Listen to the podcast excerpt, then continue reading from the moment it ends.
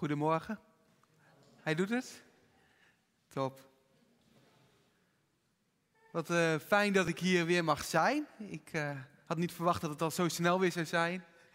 Voor wie is het een verrassing dat ik hier sta? Voor niemand? Nee? We zijn er zo van de verrassingen. Nou, voor mij was het vorige week wel een verrassing dat ik gebeld werd. En uh, de vraag was of ik het over hetzelfde thema wou doen als dat de andere voorganger zou doen. Ik weet eigenlijk niet wie er eigenlijk zou staan. Maar die zou het over het thema verrassing hebben. En dan ga je nadenken van, past dit thema wel bij mij? Kan ik hier wat mee? Want meestal als je ergens gevraagd wordt, dan, dan zegt van, heb je wat met het thema? Of welk thema wil je gaan doen? En nu was het thema al klaar, dus dat was een mooie uitdaging voor mij. Dus ik heb wat gestoeid met dit thema verrassing. En ik wou uiteindelijk bij Jezus uitkomen. Als ik ergens kom om te spreken, dan wil ik altijd over Jezus spreken. Want ik hou ervan om op te scheppen over Jezus, over wie Jezus is. Jezus is zo'n inspirerend persoon. Hij, of je nou gelovig bent of niet, er zijn ook heel veel niet-gelovige mensen en filosofen die denken die Jezus, dat was een bijzonder persoon. Die had hele bijzondere uitspraken en bijzonder gedachtegoed wat hij met zich meebracht. En wij als christenen zien dat is de Zoon van God. Dat is degene waar wij onze redding halen. Degene die voor ons naar deze aarde is gekomen. Dat is een bijzonder persoon.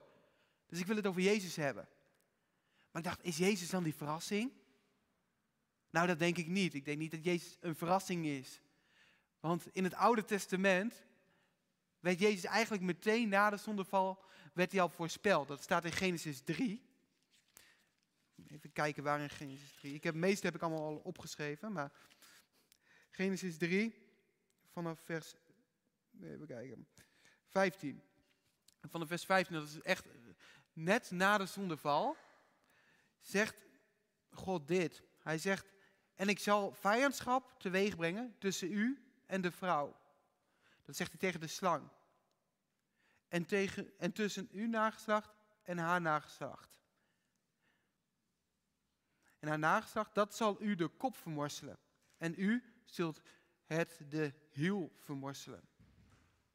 Dus hij zegt hier al dat het nageslacht van de vrouw uiteindelijk de kop van de slang zal vermorselen. En dat nageslacht bedoelt hij Jezus mee. Jezus zal uiteindelijk de kop van Satan vermorselen. En Jezus hiel werd doorboord aan het kruis. Dus daar werd hij al voorspeld. Verder in de Bijbel zie je verschillende momenten waar het gaat over Jezus, die, die, die vredevorst genoemd zou worden. De Jezus die gevangenen vrij zal zetten. Die verlosser werd al zo vaak voorspeld, maar op het moment dat hij kwam, was hij niet zoals iedereen had verwacht. Dus de quote die ik neer heb gezet is: Jezus was geen verrassing, maar is altijd verrassend. In de tijd van de Bijbel, de schriftgeleerden hadden alles gelezen over die Jezus. Maar toen die kwam, herkenden ze hem niet. Een stukje wat ik wil lezen met jullie staat in Lucas 14, vanaf vers 4.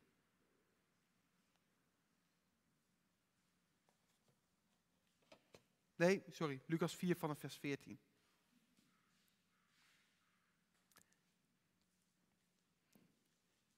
En Jezus keerde door de kracht van de geest terug naar Galilea. Dat is net als hij uit de woestijn komt. En het gerucht over hem verspreidde zich door heel de omgeving. En hij gaf onderwijs in hun synagoge en wordt door allen geprezen. En hij kwam in Nazareth, waar hij opgevoed was. En ging naar zijn gewoonte op de dag van de Sabbat naar de synagoge. En hij stond op om, om te lezen. En aan hem werd het boek van de profeet Jesaja gegeven. En toen hij het boek open gedaan had, vond hij de plaats waar geschreven stond: De geest van de Heere is op mij, omdat hij mij gezalfd heeft. Hij heeft mij gezonden om aan armen het evangelie te verkondigen, om te genezen wie gebroken van hart zijn, om aan gevangenen vrijlating te prediken en aan blinden het gezichtsvermogen, en aan blinden het gezichtsvermogen. Om verslagenen weg te zenden in vrijheid en om het jaar van welbehagen van de Here te prediken. En toen hij het boek dichtgedaan en aan de dienaar teruggegeven had, ging hij zitten en de ogen van allen in de synagoge waren op hem gevestigd. Hij begon tegen hen te zeggen, heden is deze schrift in uw oren in vervulling gegaan. Die man heeft lef. Hij komt daar in de synagoge in zijn eigen thuisstad. De plek waar hij opgevoed is. Dus deze mensen om hem heen, die kennen hem. Die weten precies waar hij opgevoed is, dat het gewoon een zoon van een timmerman is. Hij is daar naar school gegaan. Dus dat stel ik zo voor me. Ik weet niet of, in wat voor systeem ze toen school hadden en zo. Maar het was gewoon die gewone man. En hij kwam terug in zijn eigen thuisstad. Hij pakt daar de Bijbelboek, de schriften die iedereen kent. En hij gaat lezen uit Jesaja. In onze Bijbel staat het in Jesaja 61. En hij gaat er lezen over de voorspelling over de Jezus, die Messias, die gaat komen. En hij gaat dit lezen en hij zegt, die man, dat ben ik. Verrassing. Hoi, dat ben ik. Nou, ik weet niet hoe het met jullie zit, maar als zo'n iemand dat in mijn kerk zou doen, die ik al de hele jeugd al gekend, dan had ik echt gedacht, die is gek geworden. Maar dat is ook omdat ik weet dat Jezus er nu is. Maar hij deed dat. En je ziet vrij snel daarna dat de schriftgeleerden en fariseeën een plan bedenken om hem weg te werken. Want die man hoeven wij niet. Die plaats te hoog van de troon, dat is niet de Jezus die wij voor ogen hadden.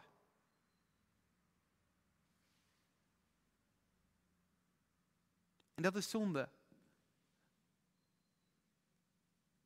Ik denk dat, dat daarom ook Jezus heel vaak heel hard was tegen schriftgeleerden en fariseeën. Je, soms denk ik wel van, joh, hij is echt wel hard hè. Het is wel de Jezus van liefde, maar hij, hij maakt zich soms af voor, voor witgekalkte grafstenen, voor addergebroed. Nou, dat zijn niet echt lieve dingen om te zeggen eigenlijk. Maar ik denk dat hij denkt van, ja, jullie hadden het kunnen weten. Jullie hebben die Bijbel gelezen. Jullie hebben gelezen over dat ik zou komen. En toch herkennen jullie mij niet. Jullie zijn het voorbeeld van het volk en jullie herkennen mij niet. Kom op. En ik geloof in deze tijd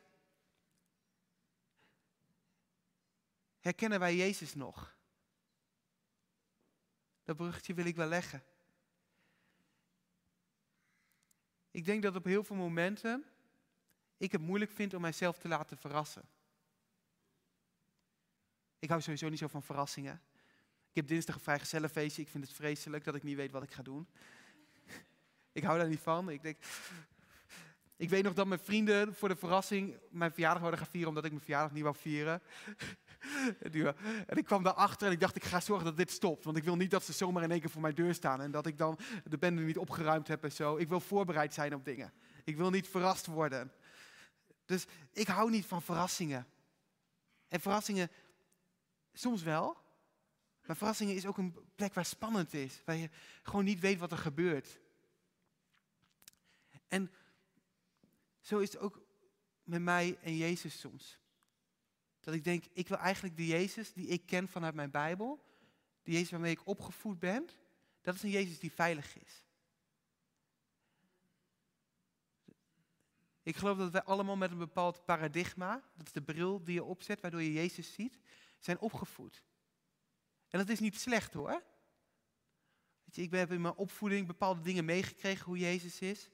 Door de school waar ik heen ging, waar ik les heb gehad over Jezus. Door de kerk waar ik zat, die hebben Jezus, maar die hebben allemaal Jezus verkondigd op een bepaalde manier hoe hun Jezus kennen. Wat hun hebben geleerd in de Bijbel. En daardoor kreeg ik op een gegeven moment een heel eenzijdig beeld van wie Jezus zou zijn voor mij. En daaruit ging ik ook leven.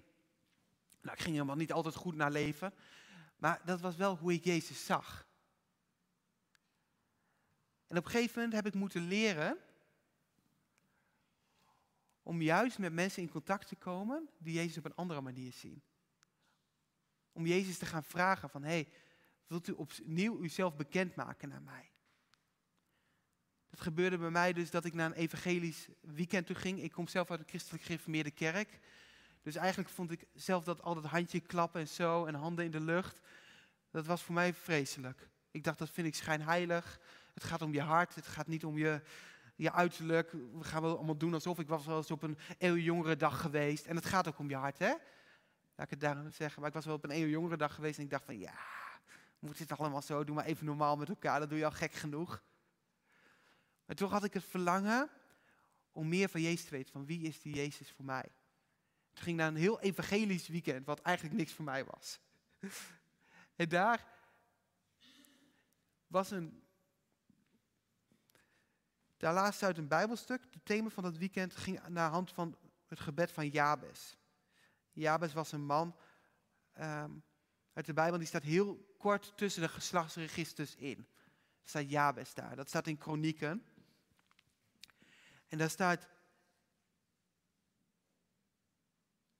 daarvoor staat dat Jabes, werd Jabes genoemd omdat hij in pijn gebaard werd. En zijn naam betekent ook pijn. Dus zijn moeder noemde hem pijn eigenlijk. En Jabes, die riep de God van Israël aan, dat is in 1 Kronieken 4 vers 10. Als u mij rijk zegent en mijn gebied uitbreidt, uw hand met mij is en u het kwaad van mij wegdoet, zodat het mij geen smart brengt. En God liet komen wat hij gevraagd had. Dus Jabez zegt eigenlijk, ook al is mijn naam pijn, laat dat niet mijn toekomst zijn. Laat mij verder dan dat kijken. Verbreid mijn gebied. En eigenlijk was de strekking van durf jij aan God te vragen om jouw gebied te vergroten. Ook al heb ik mijzelf de naam opgezet, christelijk gereformeerd, dat is mijn naam. Dat is mijn naam, mijn naam is christelijk gereformeerd, zo ben ik opgevoed, zo heb ik God leren kennen. Durf ik mijn gebied te vergroten? Durf ik verder te kijken dan dat? ik zeg niet, verlaat allemaal je kerk en ga verder naar andere kerken toe. Ik zit nog steeds in dezelfde kerk, want ik geloof dat God je met een doel in je kerk heeft gezet. Maar verbreid je gebied. Ga zelf de Bijbel lezen en ga God vragen van verras mij met deze Bijbeltekst. Wat wilt u tegen mij zeggen? We hebben een Heilige Geest gekregen. En als je de Heilige Geest ontvangt, dan gaat hij spreken tot jou. Dan gaat hij jou uitleggen wat de Bijbel tot jou te zeggen heeft. Dan gaat hij dingen in je hart veranderen. Ik ging op een gegeven moment een bijbelschool doen met mensen die allemaal verschillende soorten kerkstromingen hadden. Nou, dat is verrassend. Iedereen zag, zag Jezus op een andere manier. Iedereen had een andere theologie over bepaalde dingen. En niks is fout, hè? want ik geloof dat als wij uiteindelijk in de hemel zijn, dat wij met z'n allen zeggen van, oh, u bent toch heel anders dan dat wij dachten. Ik denk dat we het allemaal gaan zeggen. Dat niemand gaat zeggen, oké, ja, precies wat ik dacht. Precies. Dit, uh, dit is top. Dit, uh, dit hadden we voor ogen. Nee, ik denk dat we allemaal gaan zeggen van wauw, u bent zoveel beter dan wij dachten. U bent zoveel groter, zoveel wonderlijker, zoveel heiliger dan dat wij dachten. Ik weet geen eens of we kunnen praten als we daar zijn. Ik denk dat ik met mijn mond open sta dan. Dus niks is goed. Er zijn wel veel dingen slecht. En ook veel dingen goed. Maar ga niet te goed en fout denken. Ga jezelf laten verrassen door wie Jezus is. Ik probeer het elke keer weer te doen. Ook als ik weer heel erg juist de andere kant op ga, dan probeer ik weer met mensen die juist het tegenovergestelde van mij denken, weer te praten van, hé, hey, hoe zit dit? En zo vorm ik mijn beeld van Jezus. Als ik ochtends hierheen ga, dan bidden wij van God, verras ons met wat u vandaag wil doen. Verras mij in mijn gedachten als ik toch wat anders moet gaan zeggen. Dat vind ik echt niet chill. Ik heb het liefst mijn hele preek hier voorbereid op mijn papier zitten. Nu zit mijn uh, iPad werkt niet, dus het zal een verrassing zijn. Dat vind ik echt niet fijn, maar ik geloof wel dat dat de plek is waar je het meest van God gaat zien. De plek waar jij je gaat verrassen. De plek waar jij uit je veilige omgeving gaat stappen en het van God gaat verwachten.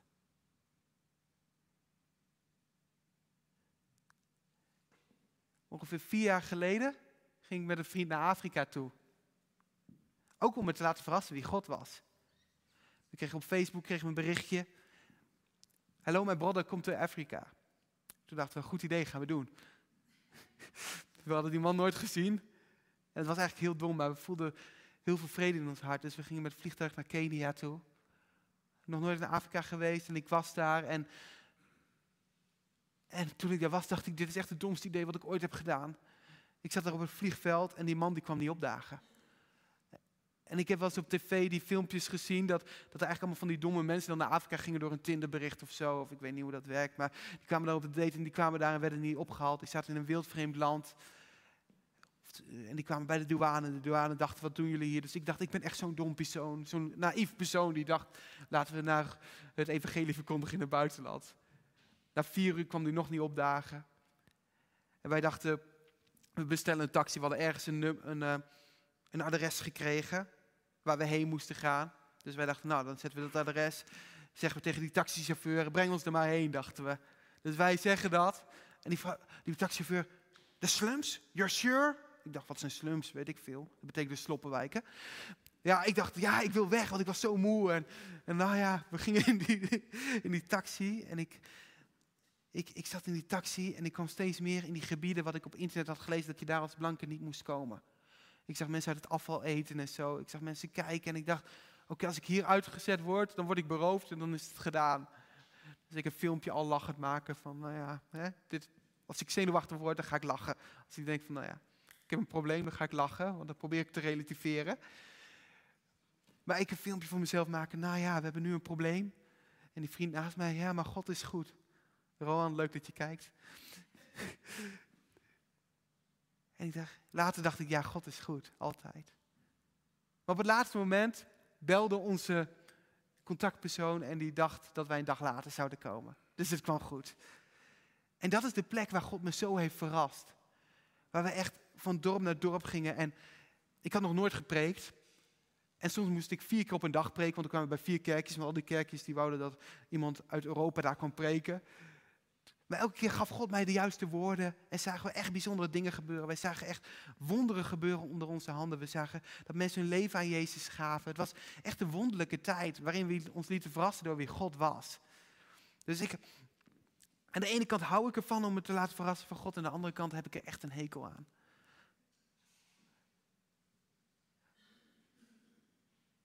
Maar laten wij ons verrassen door wie God is.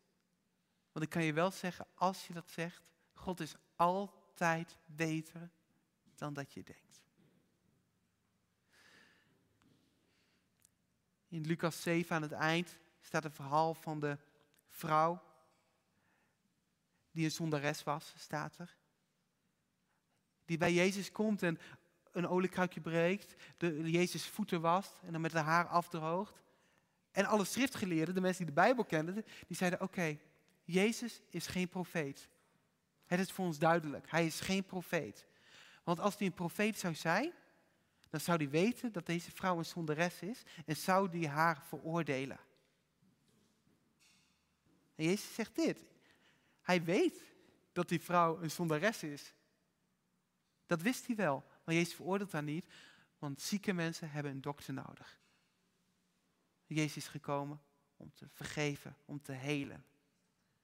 Dus Jezus is zo anders dan wat wij denken. Waar wij soms denken in ons religieus systeem. In ons denken van, Jezus zou deze veroordelen. Is Jezus daar om jou te genezen? Waar jij misschien denkt dat Jezus is gekomen om jou te veroordelen. Is Hij hier gekomen juist voor jouw zonde. Juist om dat op zich te nemen.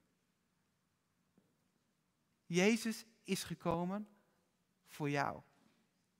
Laat jij je verrassen door Jezus.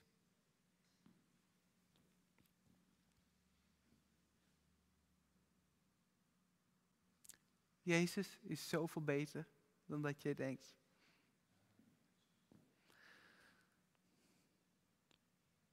En weet je over deze Bijbeltekst?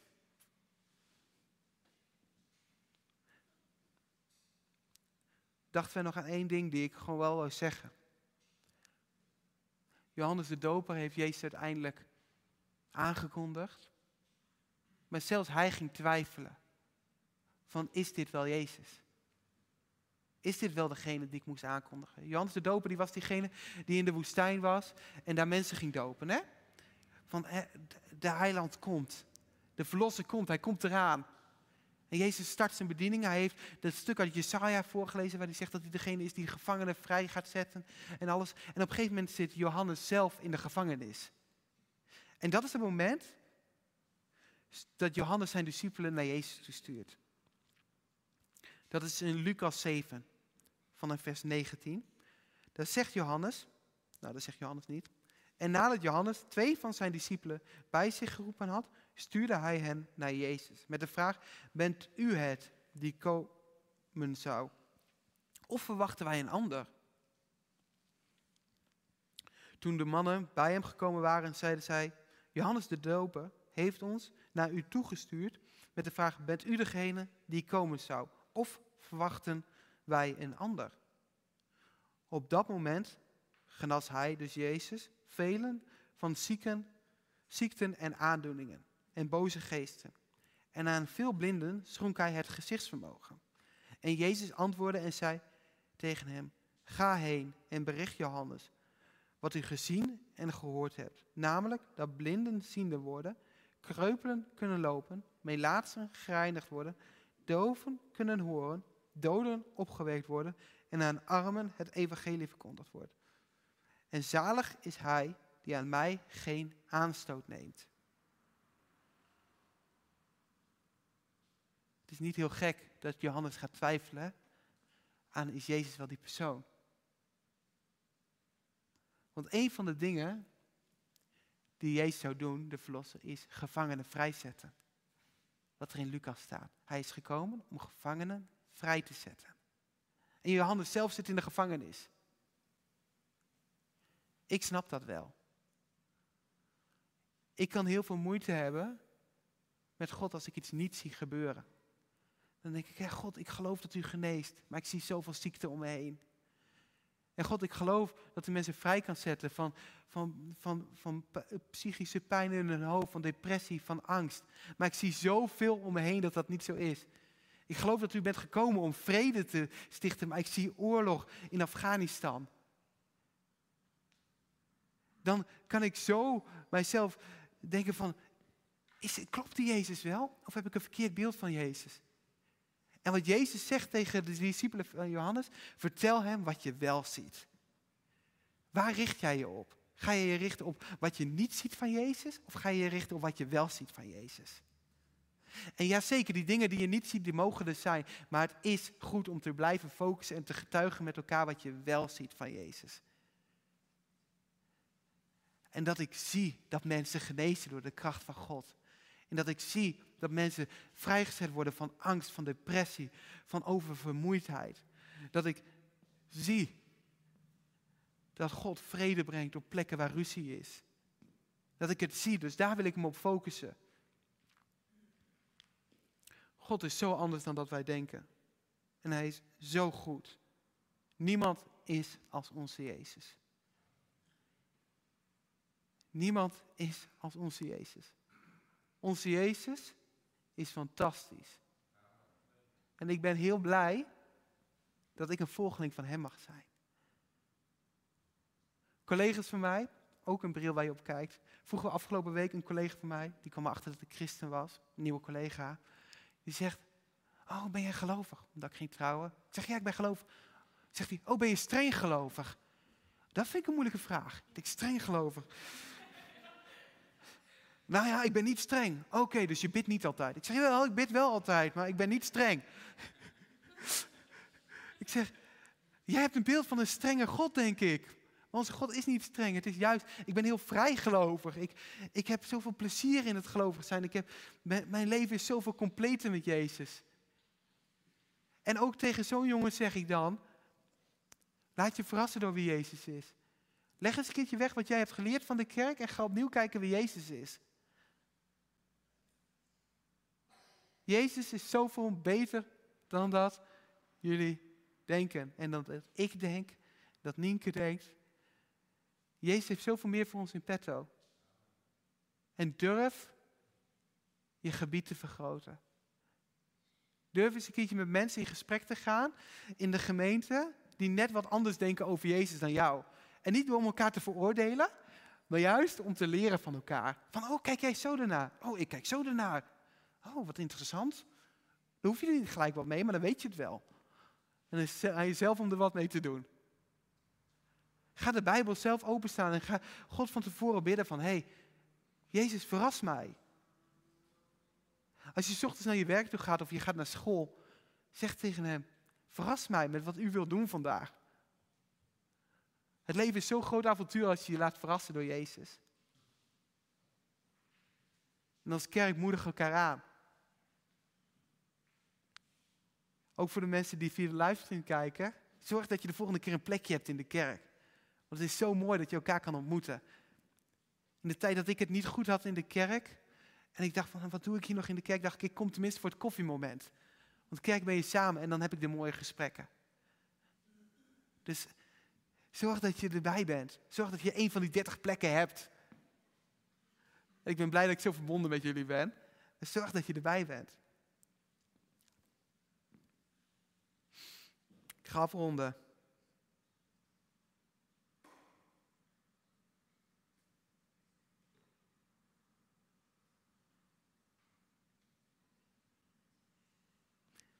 Jezus is geen verrassing. Maar hij is wel verrassend. Altijd. Of je nou tien bent, of je bent tachtig, God blijft een verrassing. Jezus is zo ondergrondelijk. Er zit zoveel inhoud in de Bijbel. Er zit zoveel inhoud in Jezus. Dat hij altijd verrassend is. Op het moment dat jij denkt, ik ken die Jezus al. Ga opnieuw vragen om jou te verrassen.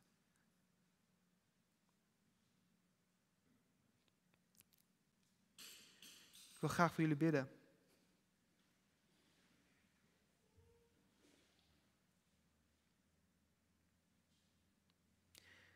Jezus, Heer Jezus, dank u wel dat u verrassend bent. Dank u wel dat u zoveel beter bent dan dat wij soms denken. Dat u niet in een hokje te plaatsen bent. En dat u met ons het avontuur aan wil gaan. Jezus, ik dank u voor, voor openbaringen van wie u bent. Dat u ons allemaal een stukje laat zien van wie u bent. En dank u wel dat het leven met u nooit saai is. Jezus, ik bid dat u ons gebied wil vergroten. Dat u ons meer wil laten zien van wie u bent. Dat u wil schuren op plekken waar het comfortabel voor ons is. Dat u ons richting wil geven. En dat u ook ons onderscheid wil geven, wat wel van u is en wat niet van u is. Dank u wel dat u een geest van onderscheid heeft gegeven. Maar Heilige Geest, ik bid dat u komt en dat u op dit moment ook meer van u laat zien. In de naam van Jezus. Amen.